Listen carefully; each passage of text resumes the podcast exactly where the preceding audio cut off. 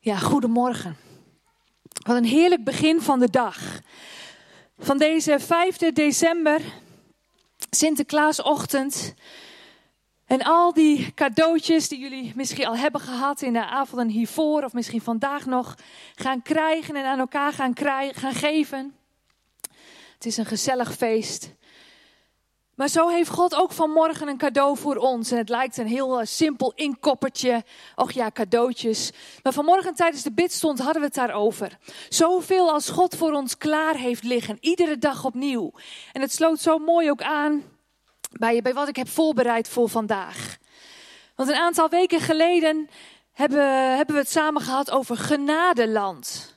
Ik weet niet of jullie het nog weten, maar genadeland is de plek waar God ons geplaatst heeft toen het oude verbond overging in het nieuwe verbond.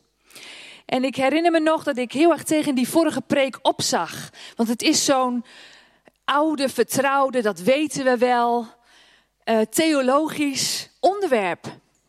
Maar het, ja, het was zo, ik had zo erg op mijn hart dat, ik, dat dat het moest zijn.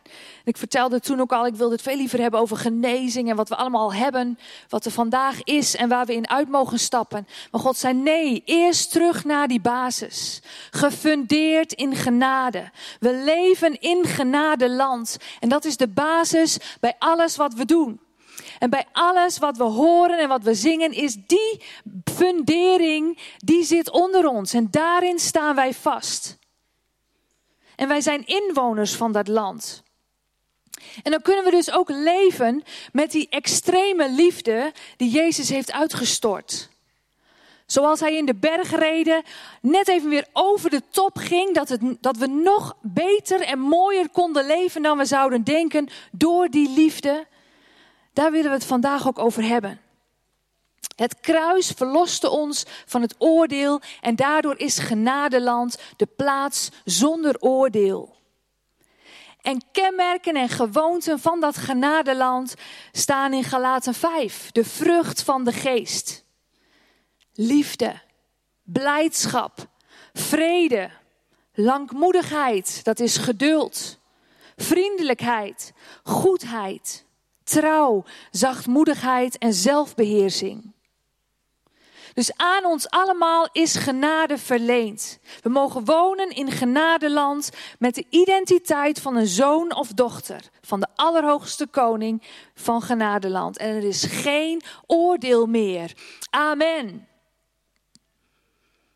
Halleluja, zo is het. Even een korte herhaling. En van daaruit worden we dus ook gedreven door liefde enorme liefde die we hebben gekregen, die we hebben ontvangen en waar we voor open mogen staan. En dat mag in ons leven zichtbaar worden. We hebben daardoor ook een genadebediening gekregen. Om ons zo te laten zien dat mensen verzoend worden met God. Maar hoe dan? En daarvoor wil ik graag met jullie lezen Efeze 1, vers 18 tot 21. Ik lees hem eerst uit de NBV. Mogen uw hart verlicht worden, zodat u zult zien waarop u hopen mag, nu Hij u geroepen heeft, hoe rijk de luister is die de heiligen zullen ontvangen, en hoe overweldigend groot de krachtige werking van Gods macht is voor ons die geloven. Die macht was ook werkzaam in Christus toen God hem opwekte uit de dood en hem in de hemelsferen een plaats gaf aan zijn rechterhand, hoog boven alle hemelse vorsten en heersers, alle machten en krachten en elke naam die genoemd wordt, niet alleen in deze wereld, maar ook in de toekomstige.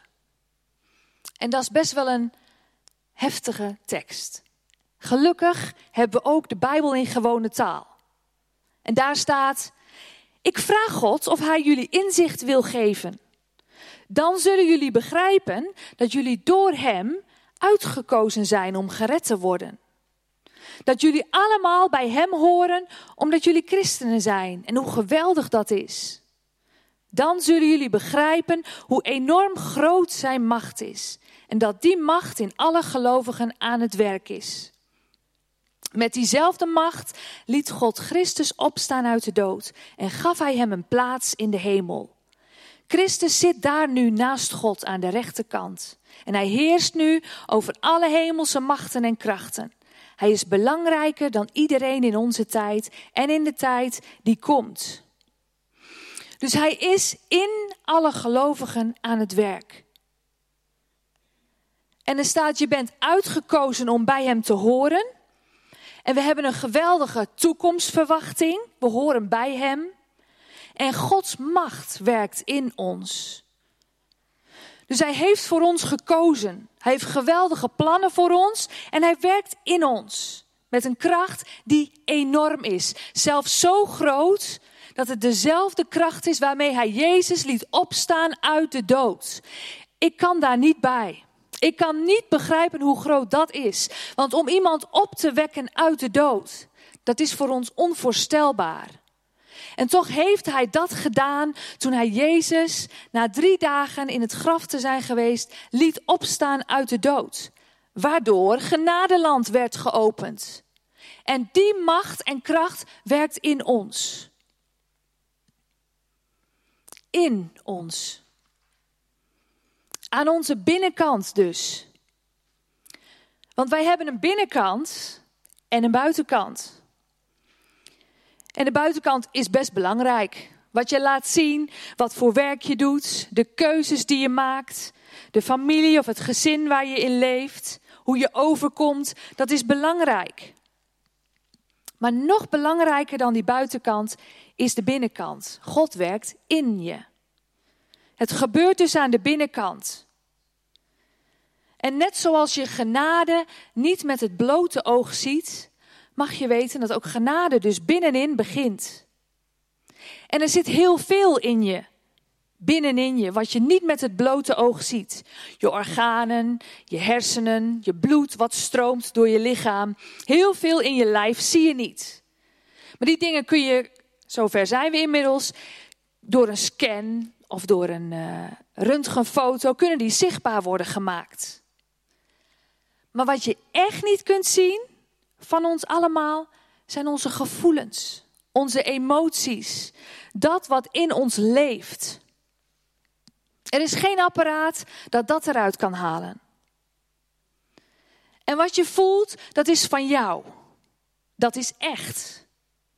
En wat er aan je binnenkant gebeurt, is dus ook echt van jou. Dat ben jij. Iemand anders ziet dat niet. Andere mensen kunnen het weten doordat ze je kennen, doordat ze je vragen stellen. En vooral ook, als jij je mond opentrekt om daar iets over te delen, dan laat je zien wat er aan je binnenkant leeft. Dat is het belangrijkste. Maar als je dat niet doet, of als je dat niet kunt, of als je niet weet hoe, dan weet niemand wat er aan jouw binnenkant zit. Of het waar is wat er aan je binnenkant zit, of het altijd klopt, dat is een tweede. Maar wat daar zit, dat weet niemand dan jij alleen. Ik had zelf op de middelbare school, eigenlijk toen ik in klas 1 kwam, had ik geen idee wat er aan mijn binnenkant gebeurde. Ik was een heel rustig meisje. Ik liep uh, een muurbloempje, noemden we dat vroeger. Ik zat graag aan de zijkant, maar ik analyseerde wel alles. Dus ik zag iedereen bewegen. Ik wist precies wie de populaire jongens en meiden van de school waren. En ik dacht, hoe doen ze dat? Dat wil ik ook. Ik was eigenlijk best een beetje jaloers ook daarop. Ik voelde, oh, ze hebben heel veel vrienden. Ik wil ook vrienden maken. Maar daarvoor moet je je mond opentrekken. Maar hoe dan? Want wat vinden ze van mij als ik zomaar zeg wat ik denk? En wat denk ik dan? En dat heeft er eigenlijk voor gezorgd dat ik mijn hele HAVO-tijd, nou, een meisje was wat aan de, aan, de, aan de rustige kant, aan de zijkant meedeed. Ik had een paar vriendinnen, goede vriendinnen. Maar toch merkte ik dat ik niet helemaal was wie ik dacht dat ik eigenlijk wel zou willen zijn. En het heeft er zelfs een aantal keren voor gezorgd dat ik maar deed alsof. Dat ik mee ging doen. En tegelijkertijd voelde ik dat daar steeds meer een kloof in ontstond. Tussen wie ik liet zien en wie ik werkelijk was. Dus mijn binnenkant strookte niet met mijn buitenkant. En ik kreeg daar logisch problemen mee. Ik raakte in een spagaat. En dat is dus hoe het werkt. Als je aan de buitenkant iets anders laat zien, is dat niet wie je bent. En als er prikkels op je afkomen waardoor je denkt, oh zo moet ik dus zijn, of dat wordt van mij verwacht, dan ga je anders leven dan wie je eigenlijk bent. Dan ga je bij jezelf vandaan en reageer je op prikkels van buiten. En als ik denk dat ik aan bepaalde voorwaarden moet voldoen, of, dat, of de wereld om mij heen moet aan bepaalde voorwaarden voldoen, voor ik een bepaald gevoel kan ervaren, dan ben ik dus afhankelijk van buiten naar binnen. Dus dan werkt het andersom. Dan leef ik niet van binnen naar buiten, maar van buiten naar binnen. En dan moet er van buiten iets gebeuren voordat aan een bepaalde behoefte wordt voldaan. Ik laat dan door anderen bepalen hoe ik het doe. En een goed beeld naar buiten brengen is vandaag de dag best belangrijk. We zien het overal. We denken dat bepaalde dingen van ons verwacht worden en we gaan daarin mee. En wat je aandacht geeft, groeit. Dus als je ervoor zorgt dat je buitenkant er steeds mooier uit komt te zien, dat het steeds prachtiger wordt en steeds schitterender. En mensen reageren daar ook op en die zeggen: Wauw, wat heb je dit goed gedaan? Of wat draag je vandaag weer prachtige kleding? Volgens mij is het dit merk, hè? Ik zie dat je dat vaker draagt. Dan bevordert dat ook dat je daar meer in gaat doen en dat je daar nog meer in nodig hebt. En de behoefte om ook van anderen te weten wat ze van je vinden, wordt ook gevoed. Wat zullen ze van me vinden? Of wat zouden ze denken als ik nu dit ga doen? Nee, ik kan toch beter een andere keus maken. En ik had eens een coach die tegen mij zei: Als jij denkt dat ik denk wat jij denkt, dan denk je te veel. En dat ben ik nooit vergeten. Want iedere keer, ik heb het nog steeds wat dat ik denk, oh, ik moet toch wel voldoen aan bepaalde voorwaarden. Dan zegt Bernard, weet je nog, als jij denkt dat ik denk wat jij denkt, dan, oh ja, bij mezelf blijven. En daar zie je dus ook al wat voor mij de sleutel was. Ik ben in gesprek gegaan met mensen. Soms met een hulpverlener of een coach, hoe je het maar wilt noemen. Even iemand mee laten kijken met je leven. Want je wilt dat je binnenkant en je buitenkant weer overeenstemmen met elkaar. En als ik zoveel toen ik zoveel bezig was met buiten, toen werd binnen steeds leger. Het werd daar saai. Er gebeurde niet zoveel meer. Daar werd ik niet gelukkig van, want zo was ik niet gemaakt. Zo zijn wij niet gemaakt. We zijn gemaakt om te beginnen aan de binnenkant. En hoe het vaak werkt, er komt een prikkel bij ons binnen. Daarover hebben wij een oordeel. Dat roept een emotie op. En vanuit die emotie hebben we een reactie. Een hele simpele loop, of rondje, of hoe je het maar wilt noemen zoals onze wereld werkt. En ik had het in mijn gezin, uh, kwam er een prikkel voorbij die uh, ik op den duur echt ging herkennen. We hebben met onze kinderen duidelijke afspraken over het naar school gaan. Ze gaan op de fiets. Als buienradar zegt het is windkracht 4, dan mag je met de bus. Uh, maar verder red je je gewoon op de fiets. Nou gebeurt er regelmatig iets dat ze zeggen, ja maar mam, ik moet daar naartoe, er komt geen bus. En dan vragen ze, wil je me brengen? Dus die prikkel die komt regelmatig bij mij binnen. Wil je me naar school brengen? Wil je me naar mijn werk brengen? Want, en een hele goede reden. De prikkel komt binnen. Ik heb soms een oordeel. Je bent gewoon te lui. Kom op zeg.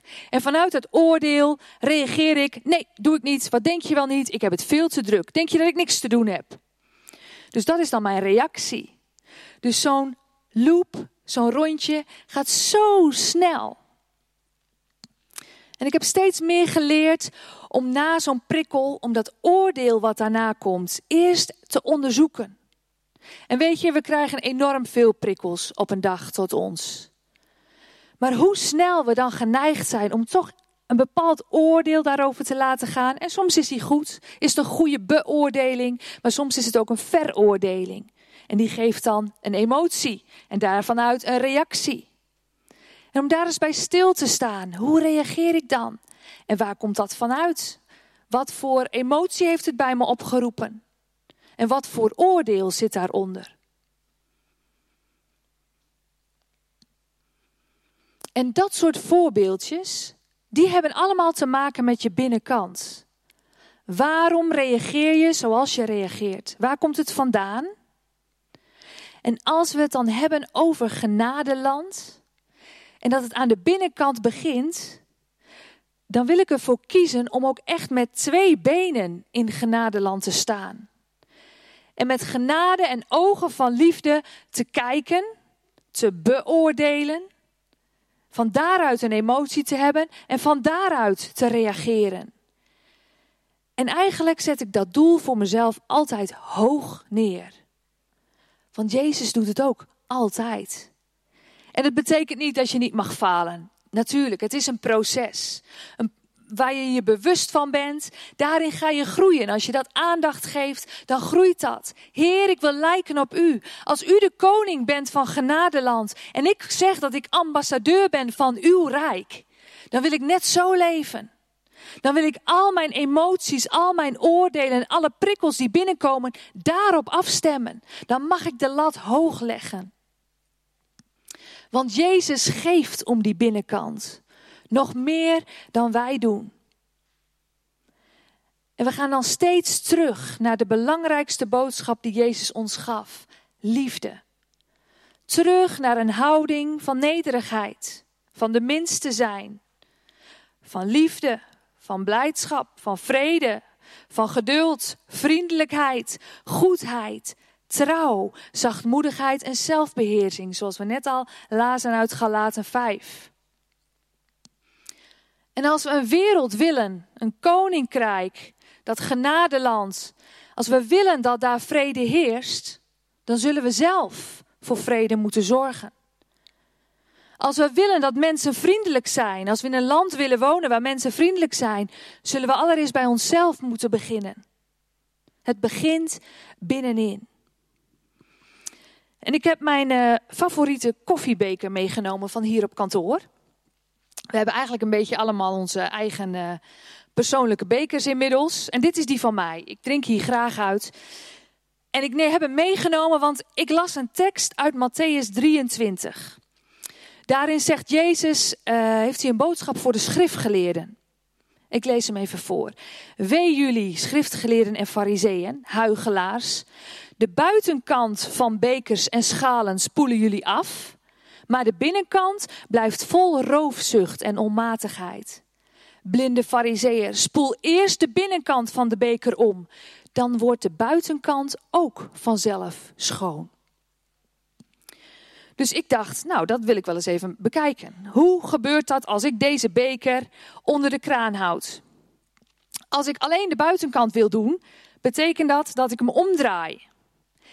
En als ik hem zo onder de kraan houd en de kraan hierover, het water hieroverheen laat gaan, weet ik zeker dat er niks naar binnen gaat. Dus hoe vies, hoeveel koffie ik ook heb gedronken en aangekoekte koffie er aan de binnenkant zit, het gaat er niet uit.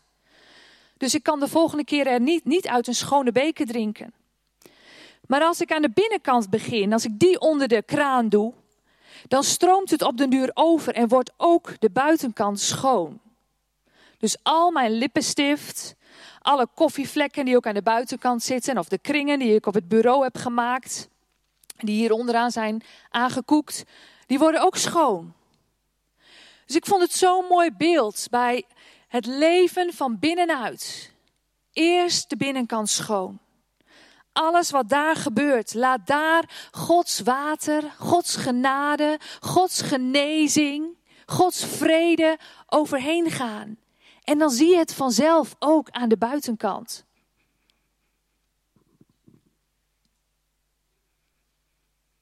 En schoonmaken betekent vaak praten.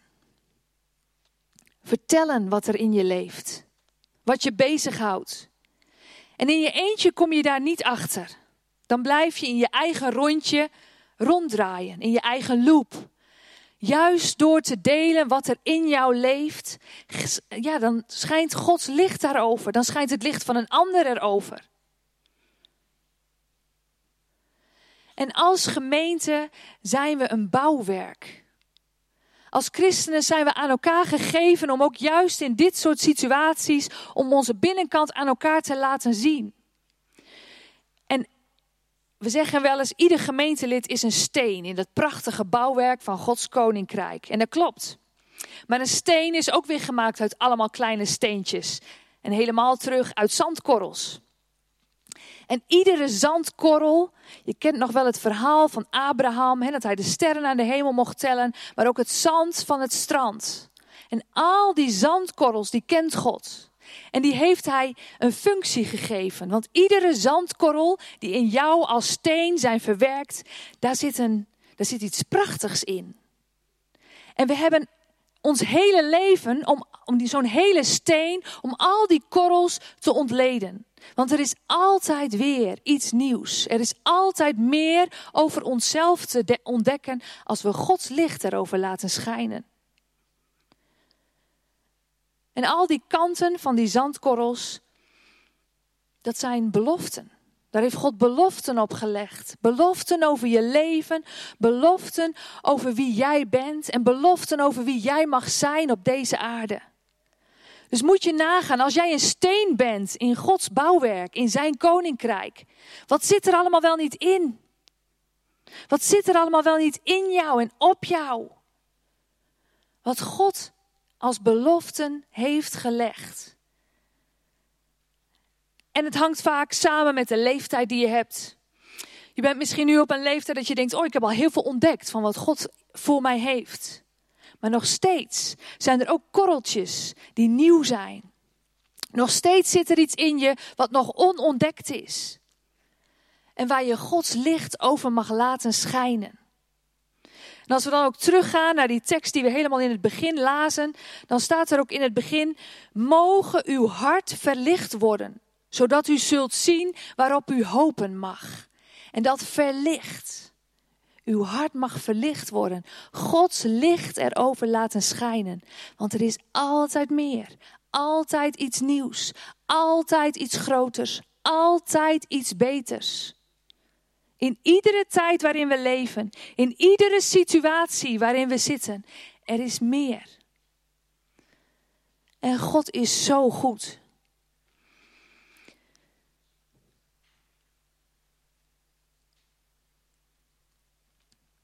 We leven naar, het, naar kerst toe.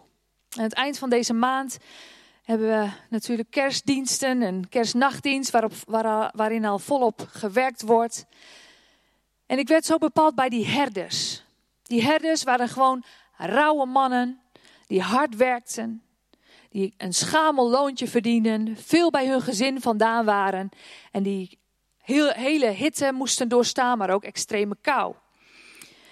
En moet je je voorstellen dat zij daar in dat veld zaten. Ze pasten op hun schapen. En nou, ze zullen misschien wat gedobbeld hebben. We hebben hier laatst een scène opgenomen met herders en die waren aan het kaarten. Dat ga je zien in de kerstnachtdienst. Dus ze zullen zichzelf vermaakt hebben terwijl ze met een schuin oog op de schapen pasten. Want dat was hun belangrijkste taak. En plotseling, staat er ook zo mooi in de Bijbel, kwam er bij, die bij de herders een engel. Met een groot hemels licht. Hun leven stond compleet op de kop. Gewone mensen die ineens van binnen aangeraakt werden door Gods licht wat toen scheen. En zij gingen op weg en vonden het kindje Jezus in die kribbe en het zette hun leven op zijn kop. En misschien ken je zo'n moment dat je leven op zijn kop is gezet door iets moois. Dat kan door God zijn, maar het kan ook door iets heel heftigs zijn. Dan wil ik je echt vragen om daar op dit moment ook even weer bij stil te staan. Want op dat moment gebeurde er iets aan je binnenkant. Waar God iets mee van plan is. Of hij op dat moment er nou bij was voor jouw idee of niet. Al die situaties die spelen in onze levens. Die zomaar kunnen ontstaan zonder dat we daar zelf invloed op hebben. Dat is een kans voor God om aan je binnenkant te werken. Hoe heftig ook. En als je pijn ervaart, of afwijzing of angst, is het waarschijnlijk heel terecht. Dan is je iets aangedaan of er is je iets overkomen wat nooit de bedoeling was en waar jij nooit voor zou kiezen. Maar als je dat licht van Jezus, wat die herders op dat moment meemaakten, als je dat erover durft laten schijnen, maar een heel klein beetje en je durft te kijken naar wat God daardoorheen wil doen. Dan kom je tot grootste dingen. Want dan verandert je binnenkant. dan zijn die kleine korreltjes zand op die baksteen die jij mag zijn voor Hem, die veranderen. En die komen in een ander licht te staan. En die brengen je iets voor de toekomst wat je nooit voor mogelijk had gehouden. Want God draait alles om. Dat is wie Hij is. En dat is wie Hij blijft. En dat is wat Hij altijd zal doen. Hij zal nooit vergeten de beloften die op je leven liggen. Nooit. En Hij voegt er alleen maar meer aan toe. Alleen maar meer. En ik werk natuurlijk al lange tijd hier in de kerk. Dit is het zevende jaar. En ik doe dat eigenlijk alleen maar omdat ik gewoon Jezus wil volgen. En dan overkomen je soms dingen, dan word je gevraagd om ergens een plek in te nemen. denk je, ik? Nou ja, oké, ik probeer het. En zo rolt dat dan door.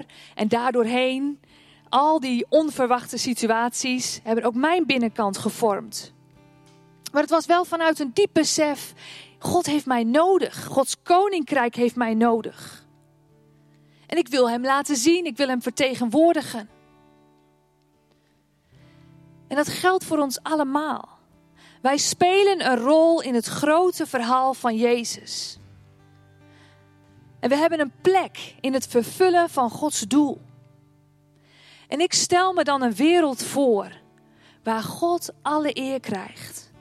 En waar alle mensen niets liever doen dan Hem aanbidden zoals we net deden.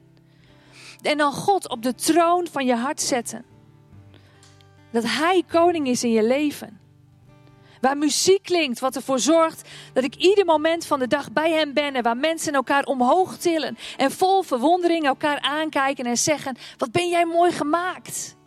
En die wereld hou ik iedere keer voor ogen. Want dat is zoals God het heeft beloofd. En daarom is mijn binnenkant zo belangrijk. Durven we tegen God te zeggen: Hier ben ik helemaal. U weet wat er aan mijn binnenkant speelt. U weet wat er nog nodig is. Maar schijn uw licht er maar over. Maak maar bekend welk zandkorreltje nu even moet draaien. Welk lampje waar moet schijnen. Om steeds meer moois in mij te ontdekken. Om alles wat u in mij heeft gelegd er echt volledig uit te halen. Om u van dienst te zijn. En om in uw koninkrijk die plek in te nemen die u voor mij heeft. En ik kan alleen aan iets bouwen wat ik me voor kan stellen. Als je geen droom hebt, waar werk je dan aan? Als je niet kunt voorstellen waar we met z'n allen naartoe gaan, waar zijn we dan mee bezig? En zo geloof ik dat God die droom van dat geweldige koninkrijk wat Hij voor ogen heeft, dat Hij daarmee bezig is. Om die door ons heen krachtig te bouwen in dit land. En voor ons op deze plek hier in Loppersum. En voor ieder persoonlijk op de plek waar je woont. Om samen Zijn koninkrijk te bouwen door ieder individu heen. En daarvoor is mijn binnenkant zo belangrijk. Want hoe schoner, hoe mooier, hoe beter, hoe groter, hoe lichter die wordt, hoe meer je uitstraalt naar buiten. Dat kan niet anders. Je hoeft er niks voor te doen om die uitstraling dan te krijgen. En we mogen blijven dromen van wat God kan doen. En het schoonmaken van mijn binnenkant en die in lijn brengen met wat God heeft bedoeld. Dat is het enige. Alles van onszelf aan Hem geven. En ik hoop dat je ook met mij, ook vandaag weer wilt zeggen: Ja, Heer, hier is mijn hele binnenkant. Alles wat erin is, is van U. En wilt u activeren wat u daar al lang geleden heeft gelegd? En ja, laten we er ook gewoon voor bidden en dat echt ook zo tegen Hem zeggen. Heer, hier zijn we. U kent onze binnenkant. U weet wat er leeft en u weet wat er speelt. U ziet of onze passie is gedoofd of dat er nog een klein laag vlammetje is. Heer, en we willen u echt vragen om met uw olie te komen. Met uw levend water. Met uw springende fontein, waarvan het water nooit opdroogt. Wilt u daar opnieuw iets in aanwakkeren, Heer? Juist in een tijd als deze. Dat we klaarstaan voor u. Klaarstaan voor de plekken die u geeft om in te nemen. De grond die voor ons ligt, die is van u. Heer, en we willen het innemen ook op dit moment. En reinigt u daarvoor onze binnenkant. En dan volgt de buitenkant vanzelf. En daarin spreek ik ook leven uit over ons gebedsleven. Dat er opnieuw ook daarin een vlammetje aangewakkerd mag worden. Waardoor je gebed en je relatie met, met God weer nieuw leven ingeblazen mag worden. Heer, op dit moment wilt u dat doen. Door iedereen heen, Heer, dat ons gebed, onze relatie met u hernieuwd wordt. Want vernieuwt u. Want daardoorheen gebeuren grote dingen. Heer, en als we onszelf openen voor u. Als we gewoon gaan zitten en onze handen vouwen of open voor u neerleggen. En zeggen, Heer, hier ben ik. U ziet wat er gebeurd is met me. Ik ben verwond. Ik voel me niet goed. U ziet wat er met mij aan de hand is. En ik kan het zelf niet goed onder woorden brengen. Maar Heer, wilt u uw licht erover laten schijnen? Laat u me zien hoe u naar me kijkt. Dan geeft Hij een beeld. Dan geeft Hij een droom. Dan geeft Hij een woord. Want zo is onze God. Hij staat altijd klaar om iets nieuws te doen door ieder van ons heen. En vernieuwt u zo onze binnenkant, stukje bij beetje. Heren, het zijn soms langzame processen. Die zo zwaar kunnen zijn. Maar een klein beetje licht is genoeg, Heer. Iedere dag opnieuw een klein beetje van uw olie, een klein beetje van uw zalving, een klein beetje van die bron, van die boom die aan stromend water staat. Heer, een klein beetje dieper geworteld. Heer, het is genoeg. Het is genoeg. Want u bent genoeg. En er is altijd meer van u. Dank u wel, Heer. Dat zo onze binnenkant steeds schitterender mag worden. Dat we dat uit mogen stralen naar de mensen om ons heen. Dank u wel. Dank u wel. Amen. Amen.